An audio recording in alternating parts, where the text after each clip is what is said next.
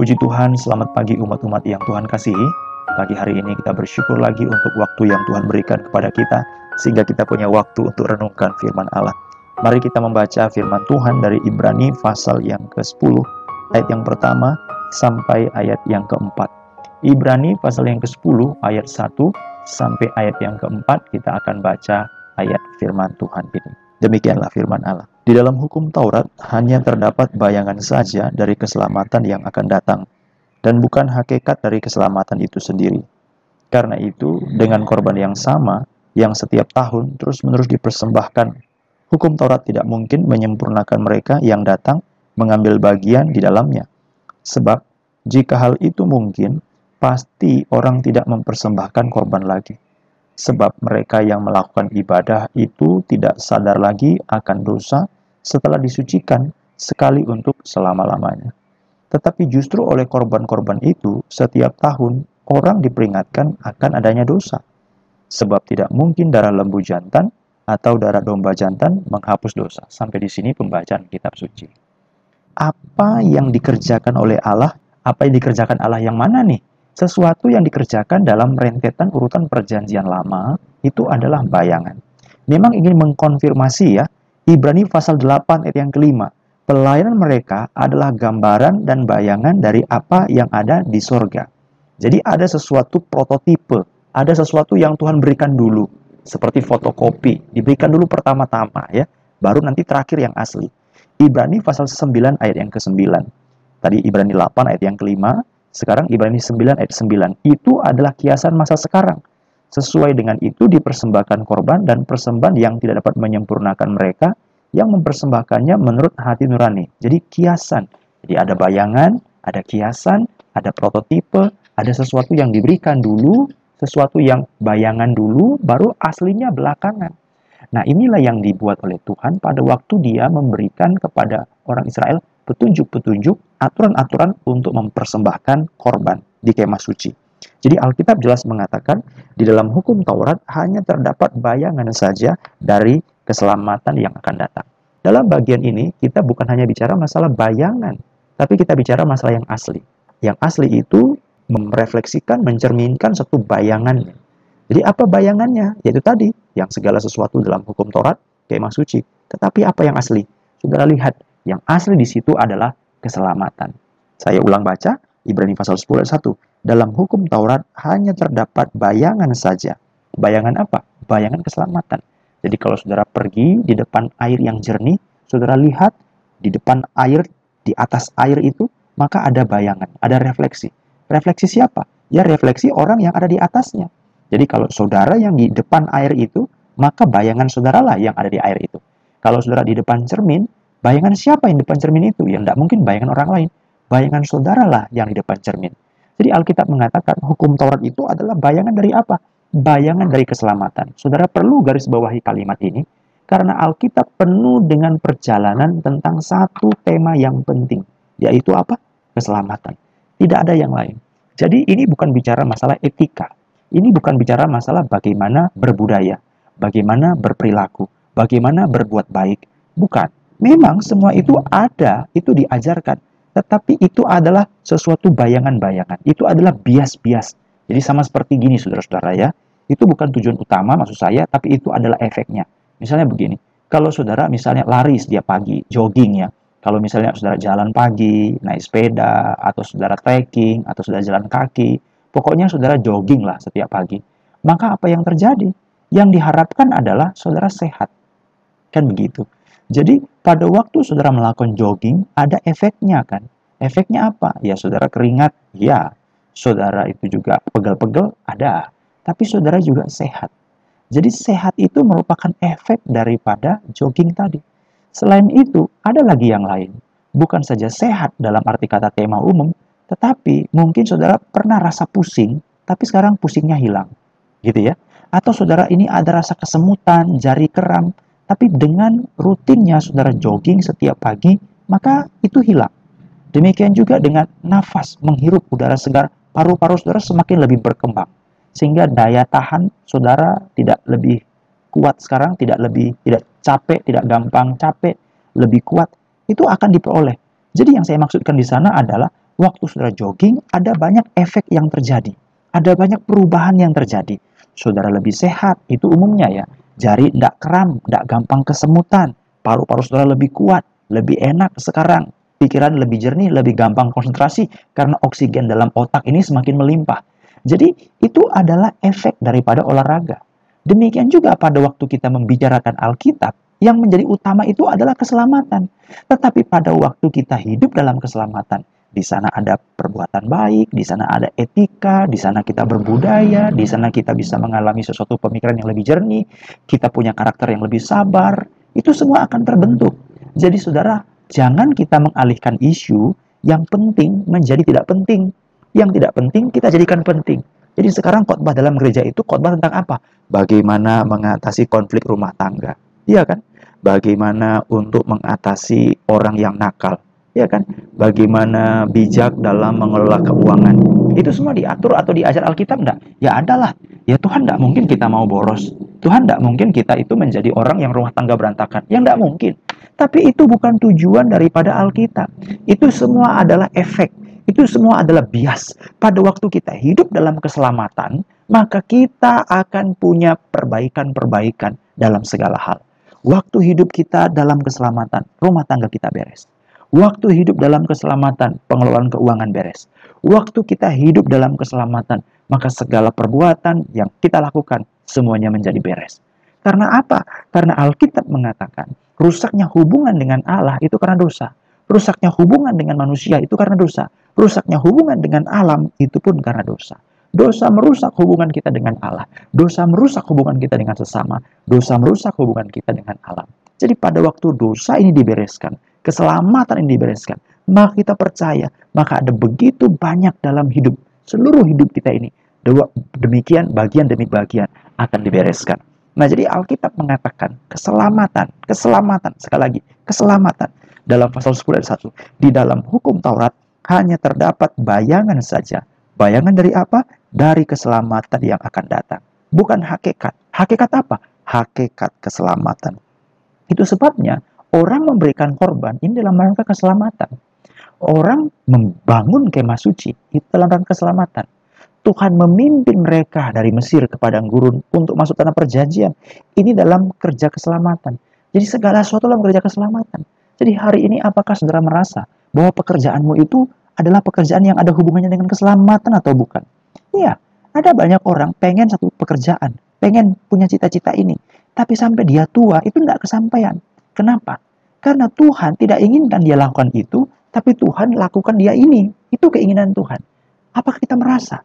Jadi ini semua adalah bagian dari pekerjaan keselamatan. Mari gumulkan saudara-saudara. Ini bukan suatu kalimat atau sesuatu hal yang dibuat mengada-ada. Alkitab jelas mengatakan, tulisan itu jelas menunjukkan. Jadi segala sesuatu yang Alkitab nyatakan kepada orang-orang percaya, orang-orang beriman sejak dari perjanjian lama itu adalah dalam pekerjaan keselamatan. Semua itu rangkainya ada di sana. Itu sebabnya saudara-saudara dikasih Tuhan, Alkitab memberikan kepada kita fokus yang sangat penting pagi hari ini. Jangan lupa, kita semua ada dalam rangka kerja keselamatan.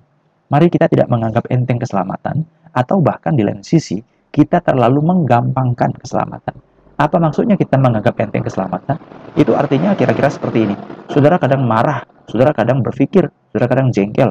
Apa-apa keselamatan, ah aku rasa enggak juga lah. Apa-apa keselamatan, aku rasa enggak juga. Saudara menjadi jengkel ya. Itu secara tidak sadar, saudara menggampangkan keselamatan apa-apa keselamatan. Banyak hal yang harus kita pikirkan, banyak hal yang harus kita kumpulkan. Bukan keselamatan saja. Kadang-kadang kita itu meremehkan keselamatan. Ini hal yang perlu kita waspadai. Tetapi di lain sisi ada juga yang terjadi, saudara-saudara, yaitu kita terlalu merasa sudah dalam keselamatan. Jadi ini biasa terjadi kalau orang itu sudah kebaktian, dia sudah rajin gereja, dia sudah jadi anggota yang baik, dia merasa dia sudah dalam keselamatan. Ini bahaya juga sama bahaya. Karena apa? Karena kita selalu merasa keselamatan itu adalah usaha dan persetujuan manusia. Ini satu hal yang bahaya juga. Sehingga kita hanya ngomong dengan kalimat seperti ini. Kita ini mengerjakan keselamatan.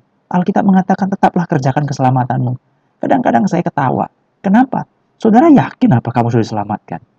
Kenapa dengan gampangnya engkau mengatakan bahwa tetap kerjakan keselamatanmu. Inilah tugas kita. Saya kadang-kadang berpikir kita terlalu merasa bahwa keselamatan itu sudah dalam genggaman kita. Gini ya, saya kasih tahu. Ada banyak contoh dalam Alkitab yang menunjukkan bahwa keselamatan itu pergumulan yang tidak mudah. Tidak mudah. Waktu saudara lahir sebagai orang Kristen, tidak otomatis saudara diselamatkan. Ini bahaya sekali karena setiap hari Begitu saudara buka mata dari lahir, saudara sudah dibawa dalam keluarga Kristen, budaya Kristen, nyanyi Kristen, berdoa Kristen. Lalu saudara sekolah minggu, saudara tidak pernah melawan, saudara tidak pernah curi uang, dan saudara baik-baik saja, fine-fine saja. Saudara kan sudah merasa sudah diselamatkan ya. Lalu saudara besar, saudara remaja, saudara dewasa, saudara pemuda, saudara tetap kebaktian, bahkan saudara juga ikut ambil bagian dalam kerja-kerja kegiatan-kegiatan yang di gereja Mungkin saudara ikut dalam kegiatan menjadi penerima tamu barangkali, ikut paduan suara barangkali, ikut vokal grup barangkali, ada ikut main musik barangkali, ikut apa sajalah saudara lakukan. Dan saudara masih merasa bahwa saudara dalam keselamatan. Ini pertanyaan yang besar. Karena apa? Karena Alkitab mengatakan, tidak mungkin orang bisa melihat kerajaan surga kalau tidak dilahirkan kembali. Dan kalimat ini dikatakan Tuhan Yesus kepada siapa? Kepada seorang yang tua, lanjut umur, bernama Nikodemus. Dia datang malam-malam ketemu Yesus. Saudara bisa bayangkan dan bisa menggambarkan apa maksud Alkitab waktu dia ngomong itu. Dia orang beragama, orang terhormat, datang malam-malam mau ketemu Yesus. Ada apa? Ada apa? Kenapa bisa seperti itu? Ini berarti ada sesuatu yang sebenarnya telah menghalangi dia untuk melihat Kristus yang sesungguhnya, yaitu gengsinya, yaitu jabatannya, yaitu wibawanya, yaitu aspek keagamaannya, yaitu usianya. Ya karena dia sudah tua, dia ketemu dengan seorang yang muda umur 30 tahun. Lalu aspek apa lagi? Aspek masyarakatnya. Ada begitu banyak lapisan, lapisan, lapisan, lapisan, lapisan. Dan sebenarnya kalau kita mau jujur, lapisan itu bukan lapisan negatif. Masa orang terhormat itu negatif? Masa orang beragama itu negatif? Masa orang menjadi tua itu negatif? Tidak. Tetapi usianya itu menjadi satu penghalang.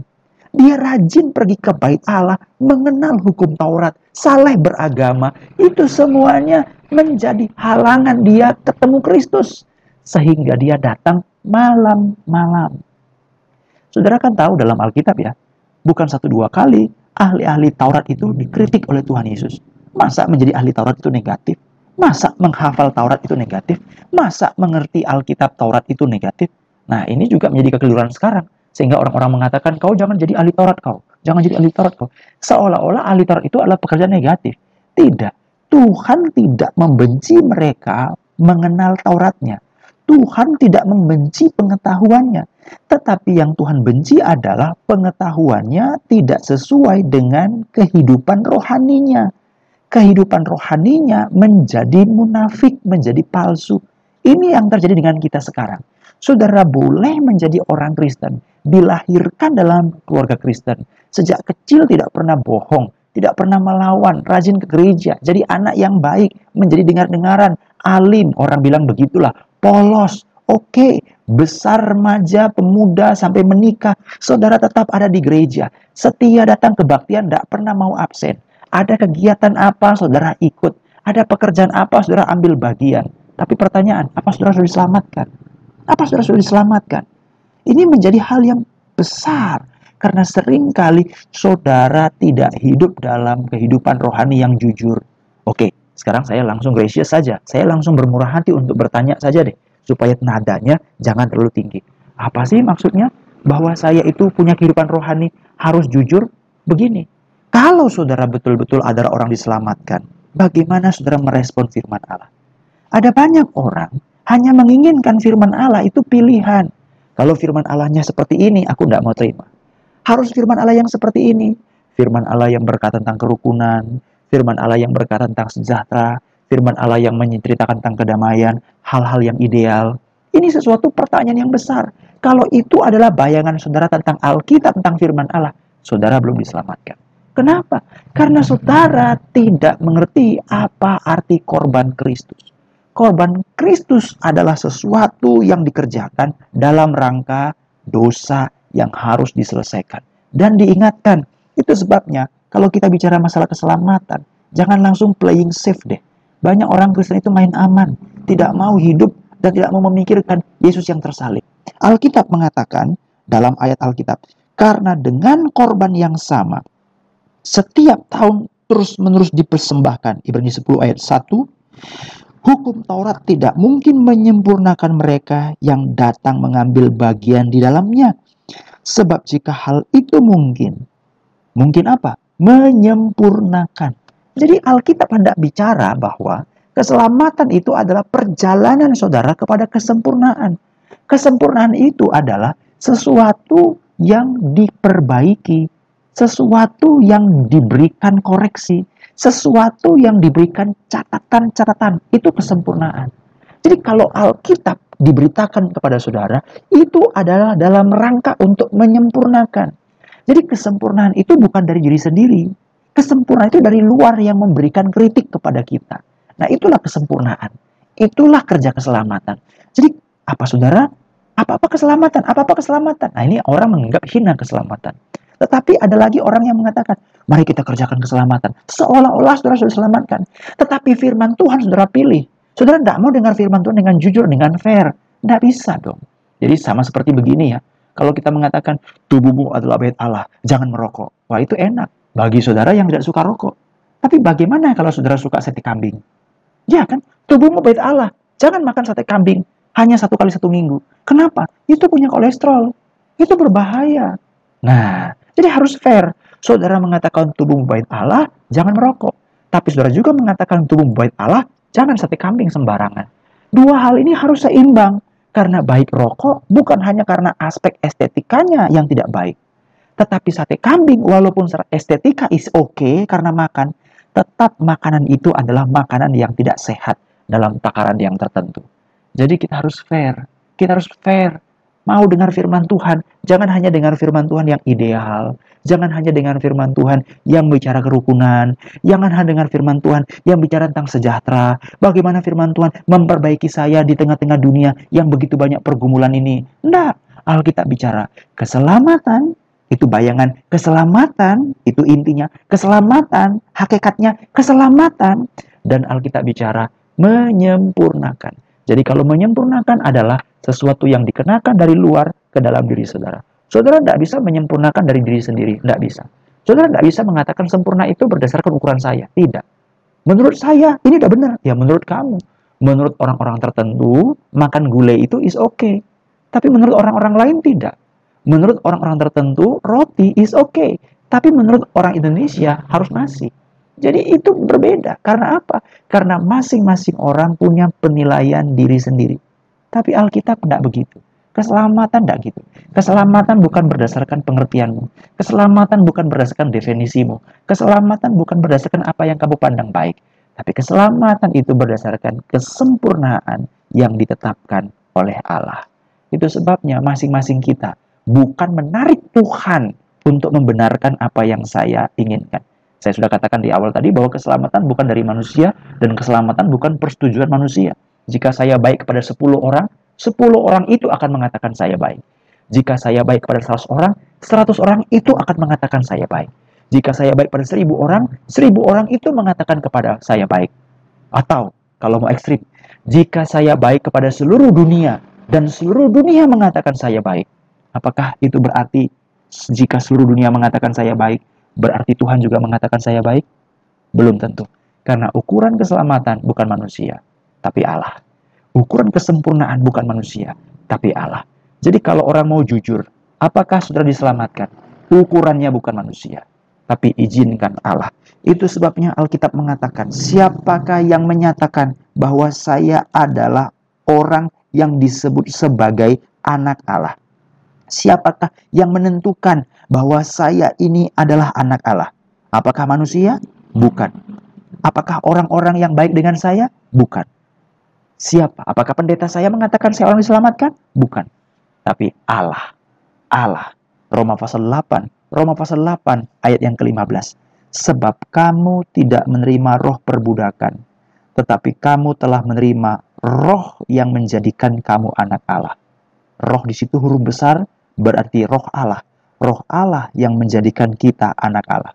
Ditambah lagi, oleh roh itu kita berseru. Jadi bukan kita yang berseru, tetapi oleh roh itu yang memampukan kita berseru. Oleh roh itu kita berseru. Ya Aba ya Papa. Yang ketiga, Roma 8:16.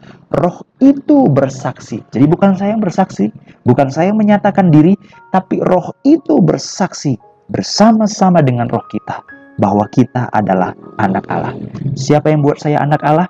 Dari Allah sendiri. Siapa yang membuat saya berseru? Dari Allah sendiri. Siapa yang bersaksi bahwa saya adalah roh anak Allah? Allah itu sendiri. Jadi ukurannya bukan manusia, ukurannya dari Allah. Itu sebabnya saudara-saudara, saya ingin mengatakan dan mengajak kita pagi ini untuk renungkan bahwa mari bergumul dalam keselamatan. Indikator apa yang bisa saya kasih tahu dari keselamatan yang sedang kita sedang bicarakan ini? Dari resistensi, dari respon Anda kepada firman Kristus. Karena Alkitab mengatakan yang pertama, maksud dari semuanya ini adalah keselamatan. Dan dilanjutkan dalam ayat 1 dikatakan, hukum Taurat tidak mungkin menyempurnakan mereka yang datang ambil bagian di dalamnya. Kenapa tidak mungkin? Tidak mungkin sempurna.